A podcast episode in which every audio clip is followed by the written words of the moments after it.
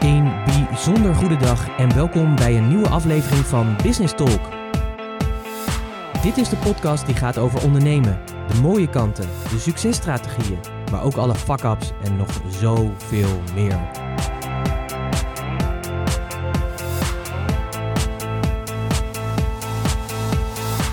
Mijn naam is Pieter Hensen, ik ben de gastheer van deze podcast en in het dagelijks leven ben ik raadgever voor leiders die impact willen maken.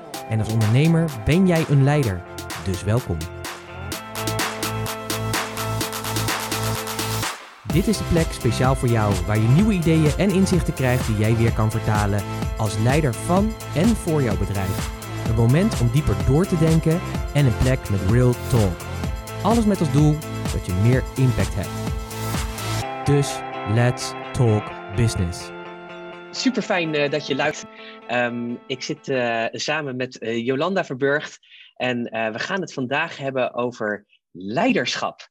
Een ongelooflijk belangrijk thema. Ik denk zeker ook in de coronacrisis dat dat voor veel leidinggevenden een enorme uitdaging was om hun leiderschap opnieuw uit te vinden, denk ik. Want ja. ik denk zeg maar dat online leiderschap een heel andere leiderschap is dan, dan ja, fysiek leiderschap klinkt een beetje raar, maar als je natuurlijk fysiek je team aan uh, kan sturen, als je lekker langs kan lopen, mensen bij je binnen kunnen lopen, of dat je zoals wij nu zitten via Zoom uh, van maar een schermpje dat moet doen en daar maar probeert om in elkaars ogen te kijken en te kijken hoe staan die ogen en wat betekent dat allemaal.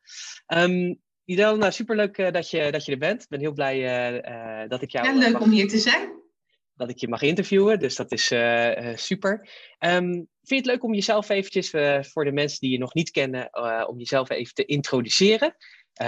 wat doe je precies? Waar kom je vandaan? Nou ja, gewoon een klein cv'tje, zeg maar. nou, bedankt voor de introductie, Pieter. Leuk om hier met jou over in gesprek te gaan. Je zei het al, mijn naam is Jolanda Verburgt. Um, ik werk in de Randstad. Ik woon in Zoetermeer. geboren en getogen in Den Haag. En ik werk als leiderschaps- en vitaliteitscoach. En uh, dat doe ik uh, langs de weg van aanstekelijk leiderschap. En daarmee uh, help ik leiders en teams om ehm, aanstekelijk te zijn voor zichzelf en voor elkaar. Dat is even in een notendop. Hartstikke goed. Nou, ik ben heel benieuwd, want alleen uh, al de term aanstekelijk leiderschap, dat doet allerlei vragen en nieuwsgierigheid bij mij oproepen. Dus daar wil ik het heel graag natuurlijk met je verder over hebben. um, uh, leiderschap is natuurlijk een breed uh, begrip, het, een beetje containerbegrip. Hè? Dus ja, ja, wat, boeken wat is boeken? Ik denk echt mega boeken vol. Um, de bekendste voor mij is in ieder geval de zeven eigenschappen van effectief leiderschap van Stephen Covey. Maar er zijn nog honderden andere goeroes volgens mij op dit gebied. En jij bent er ook een. Dus ja, dat, dat vraagt natuurlijk ook om een beetje toelichting op. als jij kijkt naar leiderschap, hoe, hoe zie jij leiderschap eigenlijk? Wat, wat, ja, zonder een cocktailvraag te stellen, drie vragen in één waar ik heel erg goed in ben, is eigenlijk mijn vraag van, wat is leiderschap voor jou? Um, nou, voor mij is leiderschap in eerste instantie leiding geven aan jezelf. Dus uh, vanuit jezelf zijn, de verbinding maken met je team en met je organisatie. Dus heel erg een veilige basis neerzetten als leidinggevende. Uh, zodat vanuit die veilige basis het inspirerend is om samen die vooruitgang te boeken en aansprekende resultaten neer te zetten. En volgens mij doe je dat alleen maar als jij als leidinggevende in staat bent om een hele stevige, maar veilige basis neer te zetten voor je medewerkers. En dat doe je niet door allerlei dingen uit een boekje of vaardigheden. Dat doe je vooral in eerste instantie, naar mijn idee, vanuit de persoon die je bent. Dat is de basis in mijn filosofie. Ja, duidelijk. Uh, is het voor jou dan ook zo, zeg maar, uh, ik doe natuurlijk veel met ondernemers en dan zeg maar wel eens, ja, ondernemer, dat wordt je geboren, zeg maar. Dat kan je niet leren, dat ben je, zeg maar. Ik ben het daar niet mee eens. Uh, maar hoe, hoe kijk jij naar leiderschap, zeg maar zeggen? Word je van nature geboren als leider of is dat ook iets, zeg maar, wat je dan kan ontwikkelen? Dat je dan ook, zeg maar, die stevige en veilige basis kan ontwikkelen? Of heb je dat of heb je dat niet? Um, nou, die stevige basis gaat wat mij betreft heel erg over jezelf uh, kunnen zijn, maar ook jezelf durven zijn. Dus een stukje authenticiteit. En natuurlijk heb je, um, ik, iedereen heeft zijn eigen rugzak door de ervaringen die hij meemaakt uh, in het leven. Dat gebeurt er vanuit je gezin van herkomst en alles tot aan nu toe. Um, dus natuurlijk ontwikkel je daardoor dingen meer of minder of sterker of wat zwakker. Dus, maar de basis, je kunt nog steeds authenticiteit ontwikkelen. Dat is juist ontwikkelen. Want het is niet iets wat vaststaat, wat je wel of niet hebt in mijn uh, filosofie. En uh, professor Herminia Ibarra heeft daar heel veel onderzoek naar uh, gedaan. Ik heb daar laatst toevallig ook een, een videootje van gepost op, op LinkedIn. Maar het is iets wat je door de jaren heen ontdekt van jezelf. Door jezelf steeds in nieuwe, ongebruikelijke situaties neer te zetten. En te ontdekken hoe dat voor je is. Wat je daarin tegenkomt, wat werkt, wat niet werkt. En daarin ontwikkel je steeds je leiderschap en je authenticiteit. Dus zeker ontwikkelbaar. Kijk, dus, dus er is hoop voor ons. Absoluut.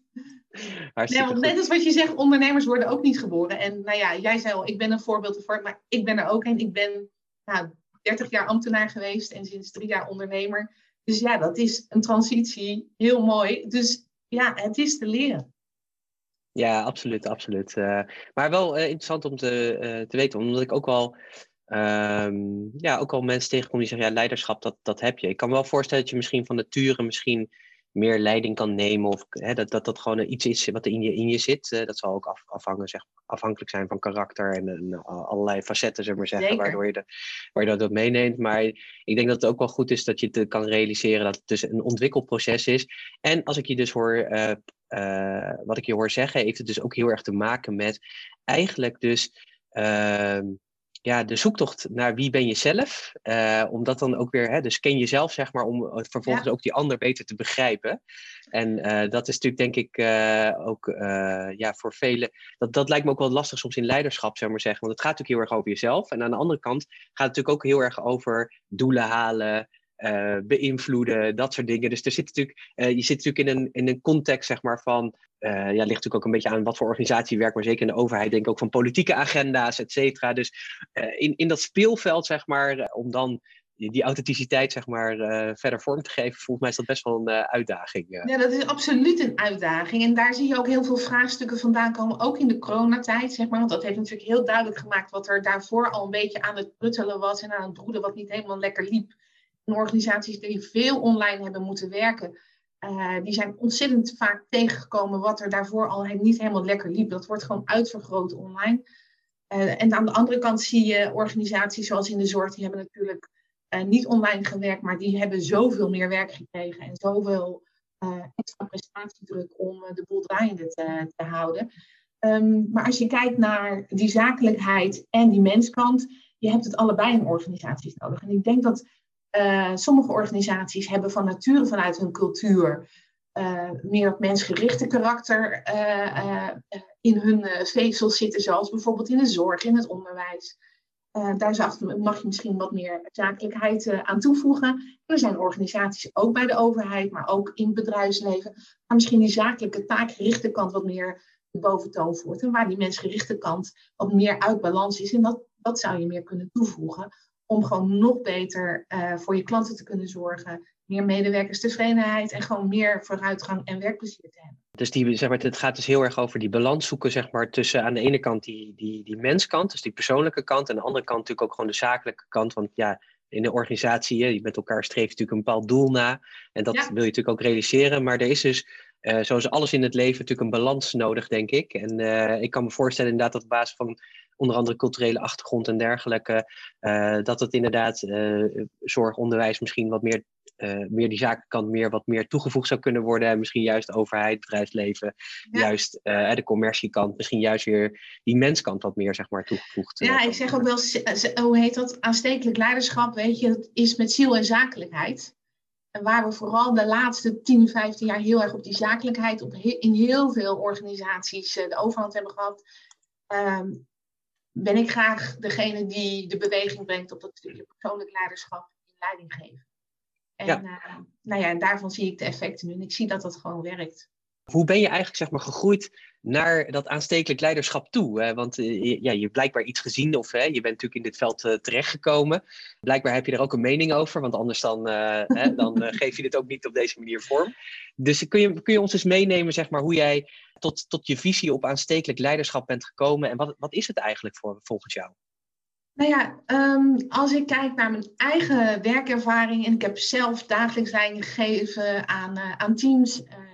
Heb uh, projecten geleid, programma's geleid. Ik ben opgeleid tot veranderkundige, tot trainer en coach. Ehm, dus ik heb en leiding gegeven en leiding ontvangen. Dus ik ben ook onderdeel van teams uh, geweest. Um, en wat ik op een gegeven moment zag, is dat werken in teams zo ontzettend vasthangt voor een groot deel aan de leider die ervoor staat.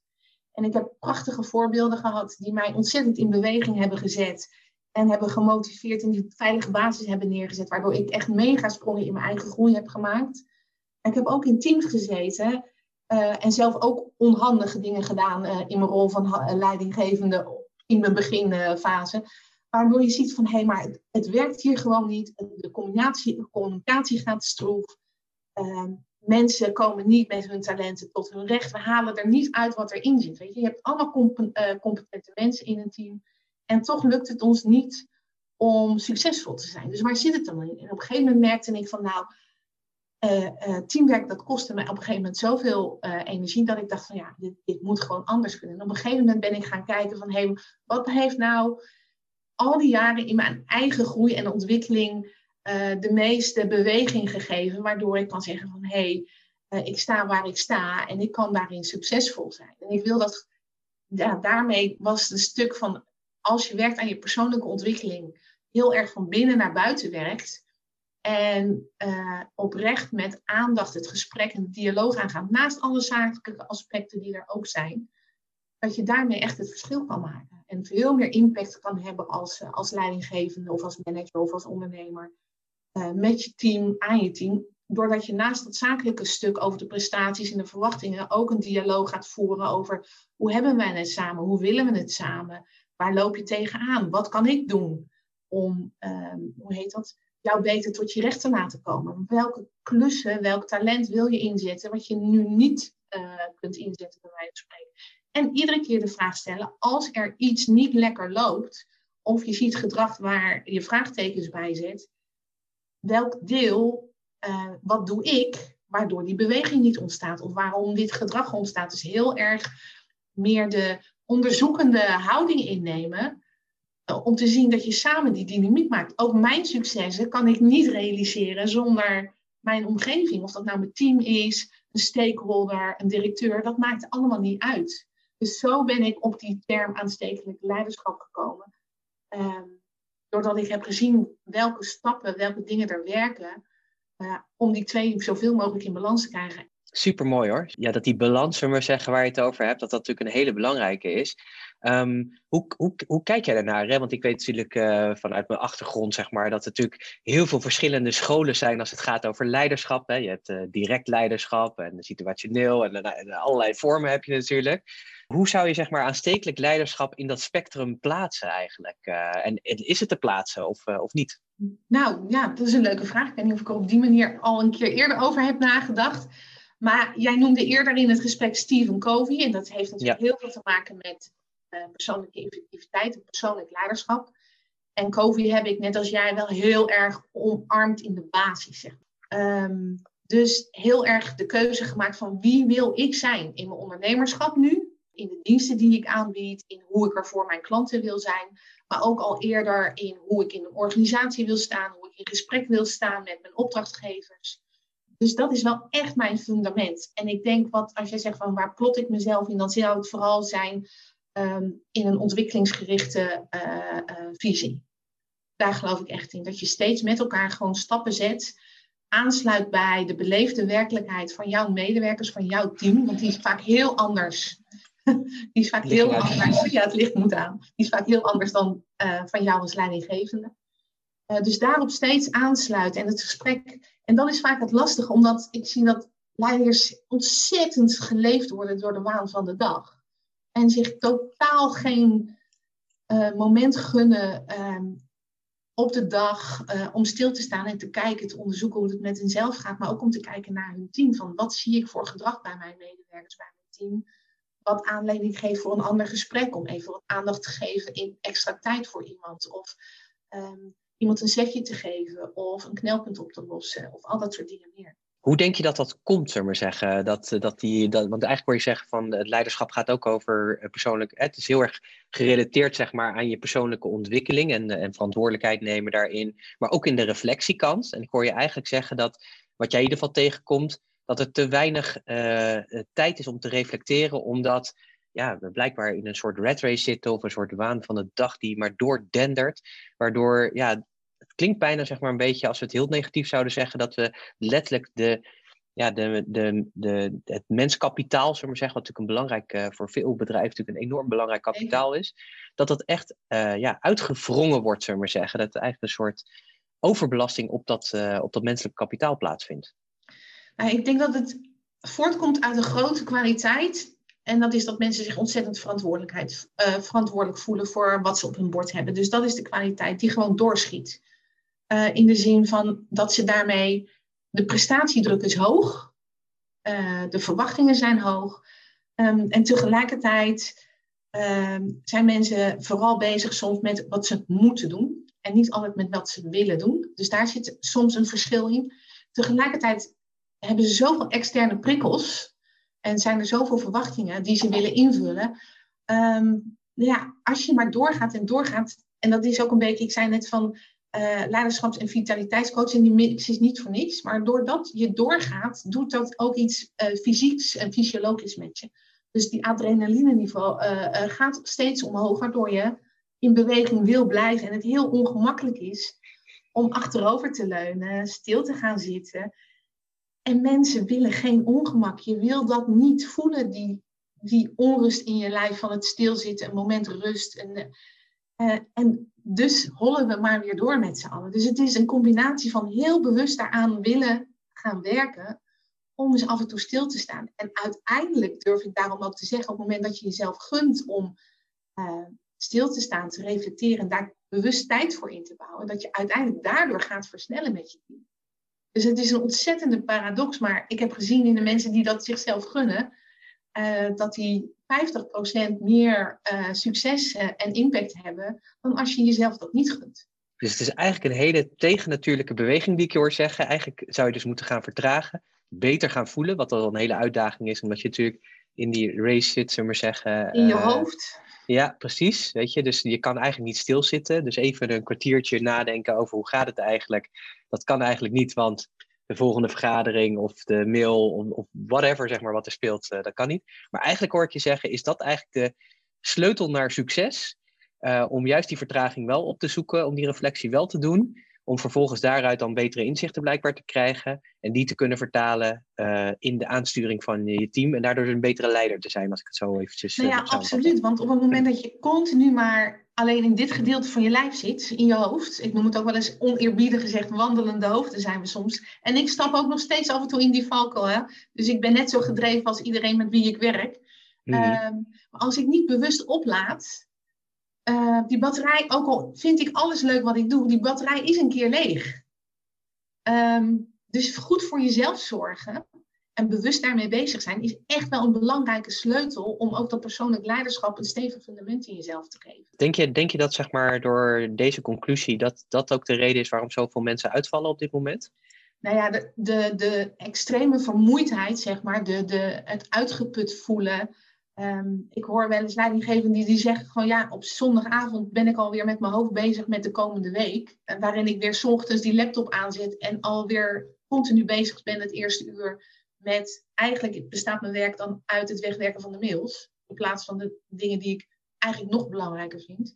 Dus dat brandjes blussen, die onrust de hele dag van maar van hier naar daar wat jij zei, continu nu online grotendeels, van vergadering naar vergadering ja, uiteindelijk is, kom je dan in een soort van mentale uitputting. En um, iets wat ik heb gezien is dat hoe het tussen je oren zit, en dat, dat kan jij, jij spreekt zoveel ondernemers, je hebt dat natuurlijk ook gezien. Hoe het in je oren zit, uh, tussen je oren zit, bepaalt wat er uit je handen komt. Dus op het moment dat je mentaal en fysiek niet voldoende uh, uh, scherp bent, heb je ook geen grip meer op je prestaties. En als dat voor jou als leidinggevende al geldt, en je geeft daarmee ook een signaal af naar je team. Hoe zien ze jou werken? Wat voor onbewust signaal geef jij af als je door je vermoeidheid geïrriteerd bent, um, een snauwige opmerking maakt, niet beschikbaar bent, vooral aan het zenden bent in plaats van het gesprek aangaat? Ja, dat heeft allemaal gevolgen voor de impact en het positieve verschil wat je eigenlijk wilt maken. Ja, maar als ik het, als ik het zo hoor, zeg maar, dan, kijk, dan gaat het natuurlijk over leiderschap. Maar het klinkt bijna ook als een bijna zeg maar een soort ja, fout in de cultuur, kan je dat zeggen? Dat je, want, of, of is het of ligt het echt zeg maar, aan, de, aan de, de persoon? Het, klinkt bijna zeg maar, door ah, wat je hier schetst, dat het bijna een cultureel iets is, zullen we zeggen, dat het gewoon in elk echelon zeg maar, van die organisatie zeg maar, doordruppelt op die manier. En dat het eigenlijk het systeem dit in uh, stand houdt.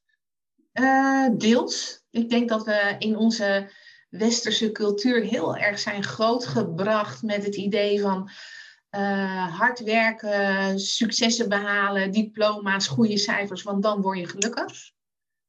En het zou wel eens andersom kunnen zijn. Dus eerst lekker in je vel zitten. En dan, uh, komt, uh, dan moet je nog steeds hard werken. Daar is niets mis mee. Um, maar het zou wel eens kunnen zijn dat je meer impact en succes hebt als je eerst goed voor jezelf zorgt. Zou dat dan ook betekenen eigenlijk dat, dat je eigenlijk altijd aan de top zou moeten beginnen met dit proces?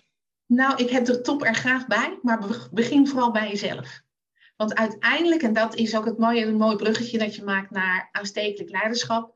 Op het moment dat jij goed in je vel zit, als jij de dialoog uitgaat, als jij vanuit je stevige balans en, en fundament in jezelf en met je talent naar buiten treedt richting je team, dan kan je die bewuste uh, druppel in de vijver zijn, waardoor jij dat rimpel-effect veroorzaakt. En daar gaat voor mij aanstekelijk leiderschap ook over. Dus dat jij uh, aanstekelijk bent voor jezelf en jezelf in beweging zet, maar ook door wie je bent in je leiderschap terug laat komen, um, welke footprint jij maar achterlaat en daarmee die rimpel veroorzaakt in je vijf. Elk klein of groot gesprek laat je een footprint achter.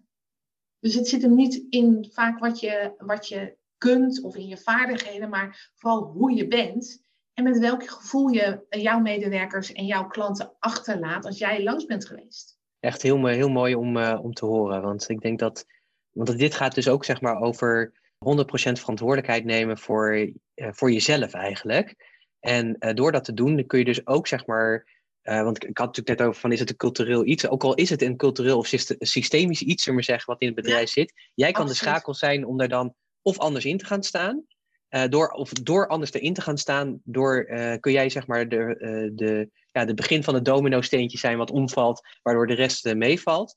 Of dat je tot de conclusie, denk ik, dan komt, want dat, denk ik dat dat ook wel eens gebeurt, dat je denkt, ja, maar dit is niet de plek, zeg maar, waar mijn talenten tot mijn recht komen en ik, ik, heb, ik heb ergens anders dat uh, te doen. Wat natuurlijk ook een prima, prima inzicht uh, dan kies, is. Kies vooral een omgeving waarin jij maximaal tot je, tot je recht komt. Met jouw talent, met jouw visie op je leiderschap. wie, wil je, wie jij wil zijn als leidinggevende en waar, waar je dat kunt gaan neerzetten. Absoluut. En dat, soms kan dat betekenen dat, uh, dat je iets los moet laten om nog meer jezelf te kunnen zijn. Ja, ja boeiend. Ja. en heel spannend uh, soms ook. Een heel spannend proces, maar ontzettend ja. waardevol. Hey, kun, kun je eens vertellen, zeg maar, van hoe help jij uh, leider, leiders, zeg maar zeggen, om uh, ja, meer die aanstekelijk leider te worden. Uh, hoe, hoe gaat dat in zijn werk? Wat, wat, wat krijg je op Nou, er is niet één standaard recept voor, omdat iedereen Uiteraard ook weer ergens ja. zijn vertrekpunt, zijn uitgangspunt is anders. Um, nou ja, ik zei, ik noemde de, de naam van uh, ziel en zakelijkheid. Ja, dat, zo ben ik zelf ook gebakken, zullen we maar zeggen. dus ik zet die twee componenten ook van mezelf heel graag in, in mijn coachtrajecten. dat is vaak individueel, of in mijn trainingen en leergangen. Um, de ene keer uh, uh, doe ik een ademsessie en het volgende moment ben ik uh, een team aan het analyseren samen met een, met een teamleider of een leidinggevende. het volgende moment zit ik in een teamtraject samen met de medewerkers en een leidinggevende. Dus dat doe ik op een heleboel verschillende, verschillende manieren eigenlijk. Maar waar het steeds eigenlijk in de basis om gaat is, kan ik iemand nieuwsgierig maken om te, te onderzoeken hoe zijn eigen handleiding werkt, zijn eigen gedrag.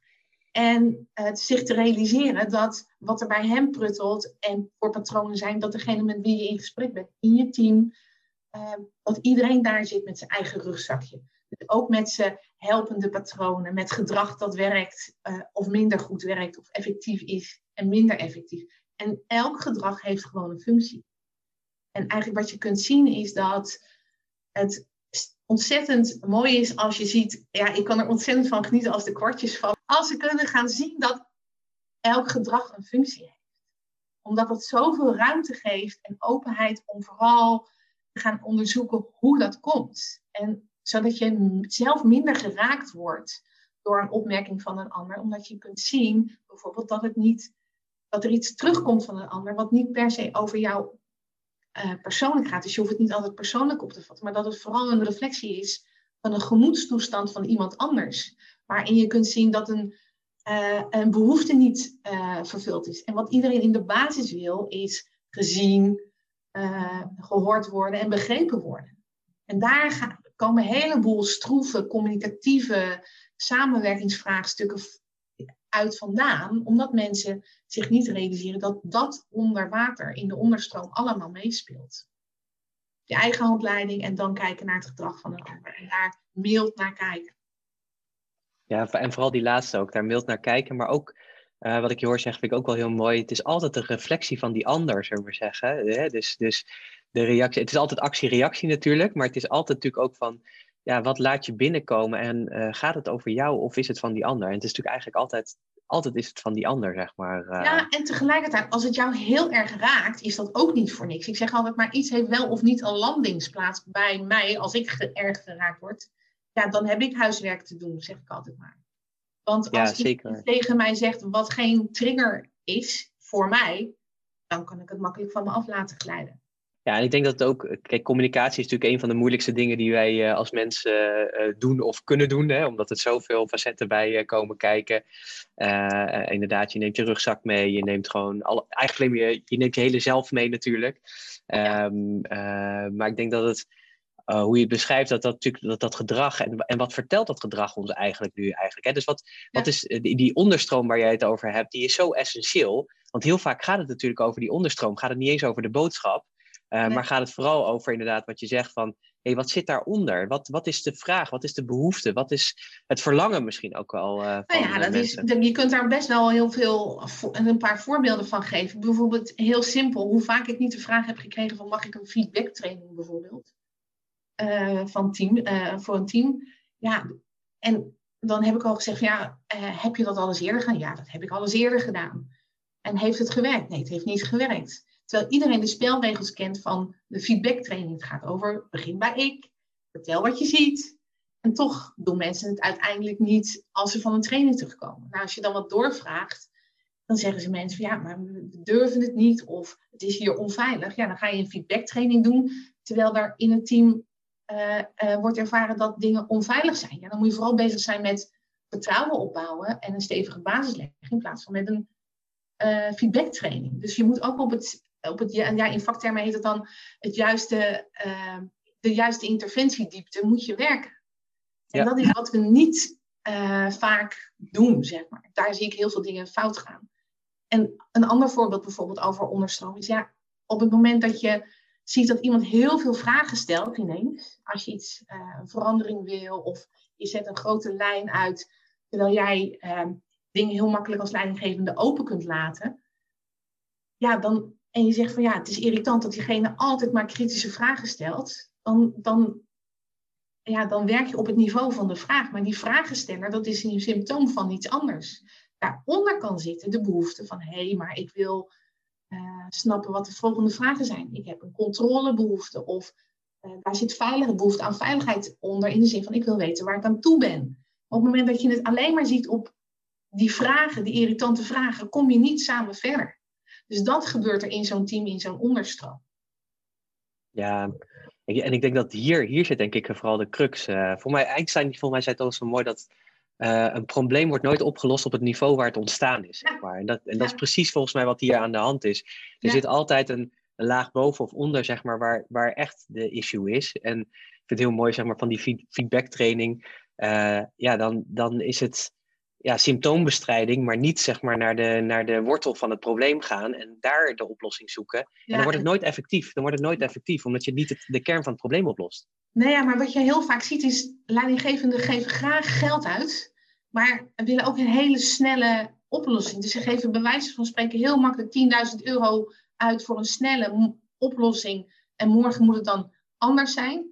Maar mijn ervaring is dat dat gewoon niet werkt. Dus ik ben er echt van overtuigd dat heel veel organisaties echt geld weggooien aan trainingen, uh, omdat ze niet op de uh, goede interventiediepte aan het werk zijn. En als je het vaak gaat het om gedrag en gedrag heeft gewoon tijd nodig. Je bent al snel zes tot nou ja, twaalf maanden bezig als je echt een transitie, want daar hebben we het eigenlijk over, uh, met elkaar wil maken. En dat geduld hebben en dat in kleine stapjes doen en het vertrouwen hebben in dat proces met elkaar. Daar zit er volgens mij ontzettend veel uh, uh, goud wat, wat, wat teams laten liggen ik vind het mooi, eh, een van mijn voorbeelden is Richard Branson, is natuurlijk een topondernemer. Ja, maar die zegt ook er, hè, die, die vertaalt het een beetje naar business, maar dat zou je natuurlijk ook gewoon echt in leiderschap kunnen vertalen. Is er zijn, er zijn geen snelle, hè, er zijn geen snelle winst in business. Hè. Het duurt gewoon jaren voordat je dat succes eh, behaalt. En dat is eigenlijk hier in dit proces dus eigenlijk ook zo. Van, je kan wel even zo snel zo'n training willen hebben en verwachten dat morgen de realiteit totaal anders is. Hè. Misschien heb je als leidinggevende dan in ieder geval het gevoel gehad van ja, ik heb iets gedaan hè, en uh, check. Hè. Dus ik kan ook naar mijn hoger management weer laten weten, we zijn ermee bezig. maar inderdaad, ik denk dat het heel goed is om te kijken van op dat interventieniveau, wat jij zo mooi aangeeft, wordt het daar echt opgelost? Want dat is het, zeg maar. Dus het wordt altijd op een ander niveau uh, dus je, zult altijd een niveau dieper of hoger moeten om uh, tot, uh, tot, ja, tot de essentie te komen. En van daaruit natuurlijk ook je leiderschap zeg maar, te nemen ook weer. Ja, ja, en wat je heel veel ziet is dat mensen um, leeroplossingen of ontwikkeloplossingen in de vorm van trainingen buiten de werkcontext zoeken. En uiteindelijk vertrouwen leer je niet in een training. Vertrouwen doe je en bouw je met elkaar op om de job. Dus het is ook belangrijk om Ehm, dat gun ik leidinggevenden ook om nog meer dan dat ze nu al doen. Want er zit echt wel, gelukkig zie ik ook echt een andere beweging ontstaan. Uh, zien uh, organisaties steeds meer dat ze van hun werkplek, zeg maar, een soort van weerplek ook moeten maken. Maar dat betekent wel dat je een ander gesprek moet hebben en dat het heel normaal is dat dingen fout gaan. Uh, dat jij fouten maakt als leidinggevende, dat je team fouten maakt, maar dat je daar wel bewust op reflecteert, en ik zeg heel bewust reflecteren en niet evalueren, want dat is echt anders, over um, wat doen we met elkaar? Wat doe je richting de klant of om iets te ontwikkelen als dienst of nieuw product? Wat werkt er en wat werkt er niet en wat leren we hiervan? Wat betekent dat voor de volgende stap die we met elkaar gaan maken? Dus heel erg dat, dat experimenteren omarmen om uiteindelijk uh, vooruitgang te boeken. Want er is niets zo motiverend en inspirerend als het zien van die vooruitgang met elkaar. Ja, ik denk heel, heel waardevol, zeg maar. En ik denk dat we daar dus nog uh, in uh, leidinggevend Nederland, want natuurlijk, uh, sowieso natuurlijk als je kijkt naar jezelf, hè, je bent natuurlijk al leider van je eigen leven, dus daar heb je natuurlijk al wat te doen hè, om aanstekelijk leider te worden. Maar ik denk zeker, zeg maar, in bedrijfsleven, maar ook in, in, in ondernemersland, zeg maar, is dit echt een hele belangrijke, denk ik, om ja, ehm, te durven experimenteren. Ik denk dat dat het is. De tijd durven nemen om die groei ook vorm te geven met elkaar. Om dat leiderschap ook zijn vorm te laten uh, krijgen. En daar dus ook. Uh, ja, het is gewoon een proces. En dat gaat niet harder door de. Hè, net zoals met gras groeit niet harder, zeg maar, wel eens door eraan te trekken. En dat is eigenlijk nee. hier natuurlijk eigenlijk ook zo, hè? Nou ja, dus, en ik uh, zie gewoon dat leidinggevenden vaak gewoon geen strategie hebben om daarin met hun team te werken. Dus net zoals dat wij aan ons bedrijf moeten werken. Uh, Je kunt professional zijn op je vakgebied, maar als je niet als ondernemer werkt aan je bedrijf, uh, gaat er niets groeien. En hetzelfde is voor leidinggevenden. Op het moment dat je vooral met de inhoud van je werk bezig bent, maar je werkt niet aan de ontwikkeling uh, van je team, dan zul je dat tegenkomen. En dat is voor projectteams weer anders dan voor teams die gewoon in de lijn werken. Um, dus daar zitten echt wel verschillen in, want de, het, uh, projectteams zijn natuurlijk echt een snelkooppan qua teamvorming en teamontwikkeling. En zeker als je kijkt binnen de overheid, dan zit je ook nog heel vaak met verschillende departementen aan tafel. Dus dat is weer ja. een andere dynamiek. Um, maar dat is wel waar, de context waar je daarin toch uh, bewuster uh, aan zou kunnen werken voor veel meer ontspanning voor jezelf, een leger hoofd, veel meer voldoening in je werk. En uiteindelijk doe je het samen. Ja, supermooi. En um, uh, met, met wie werk jij het liefste, zeg maar? Wat is, wat is jouw uh, leidinggevende waar je het meest blij van wordt eigenlijk? En, uh, en ook heel benieuwd natuurlijk waarom dat zo is. leidinggevende waar ik ontzettend blij van word. Ja, dat zijn leidinggevenden die eigenlijk net als ik, um, die de meerwaarde zien van de mens centraal en heel erg ontwikkelingsgericht met ziel en zakelijkheid willen werken. Die leidinggevenden willen zien. Die zich realiseren dat ze juist met hun persoonlijkheid um, meer impact kunnen maken en een positief verschil. ehm, ja, dat, dan, ja, daar word ik heel gelukkig van. Daar word ik echt heel gelukkig van. En dat betekent dus dat mensen uh, wel open moeten staan. Ook voor dat stuk. Ik hou ontzettend van die intellectuele intelligentie, maar die ook bereid zijn om af te zakken en hun intuïtieve intelligentie in te zetten. Want daar zit zoveel informatie die je kunt gebruiken in de interactie, in de samenwerking, in het teamwerk. Uh, ja, daar, uh, dat zijn de klanten waarmee ik heel graag, heel graag werk. Dus echt dat, die, dat, dat zielstuk, zeg maar, dat is ook echt een belangrijk onderdeel van wat je doet, als ik het zo goed begrijp. Nou ja, dat, dat is vooral dat stukje authenticiteit ontwikkelen en dat heel bewust inzetten in je leiderschap. Uh, dus dat, um, dat betekent ook in mijn, mijn um, je hebt vroeg net de vraag van ja, wat is je visie? En daar kan natuurlijk uren over, uh, kunnen we overbomen samen. Um, maar leiderschap gaat ook heel erg over emotiemanagement, over emotiewerk. Um, dus daar zit ook wel een soort van psychologische kant aan. En als je de, de waarde daarvan samen met mij ziet en dat wil benutten in je rol van leidinggevende richting je team, richting je klant, ja, dan uh, klop vooral aan, zou ik zeggen. Dan uh, mag je me daarvoor s'nachts wakker maken, bij wijze van spreken. Als mensen geraakt zijn door, uh, door dit interview, waar, waar, waar, kunnen we meer van je vinden? Op mijn website. Gewoon heel simpel. Www.jolandaverburg.nl uh, Ik zit op LinkedIn. Daar schrijf ik regelmatig een post of een blog of een inspiratiebericht. Dus nou ja, connect me daar vooral zou ik zeggen. Is er nog iets zeg maar, wat, wat je zou willen delen wat ik gemist heb zeg maar, in dit interview? Dat je zegt van ja, maar voordat we afsluiten moet ik dat echt nog even gezegd hebben. Nee, ja, ik, vond, ik heb genoten van je vragen. En uh, leuk om dit samen eens een keer uh, te ontdekken. Dit is mijn eerste podcast. Dus ik weet dat je een heleboel mooie al achter de kiezen hebt met een ontzettend interessante mensen. Dus ik ben heel dankbaar voor de uitnodiging. En volgens mij hebben we al een heel mooi gesprek gehad. En er is veel meer te vertellen. Maar voor dit moment, dank je wel. Hartstikke goed. Nou, uh, mensen, als je dus meer over aanstekelijk leiderschap wil weten, ga Jolanda uh, volgen, zou ik zeggen. Of uh, neem een keer contact met haar op om eens even door te vragen over de visie die ze hier al grotendeels heeft gedeeld. en zeker als je, ja, als er zeg maar tijdens het luisteren of kijken naar dit, naar dit interview iets bij je geraakt is, dan zou ik zeker zeggen, dan is dat een signaal van die ziel, zeg maar, die dan tegen je zegt doe maar gewoon een keertje in vertrouwen die stap nemen. Dus uh, ik ben heel benieuwd, uh, Jolanda, of er mensen zijn die uh, zeggen van hé, hey, ik wil graag meer over dat aanstekelijk leiderschap weten. Ik wil gewoon een aanstekelijk leider worden.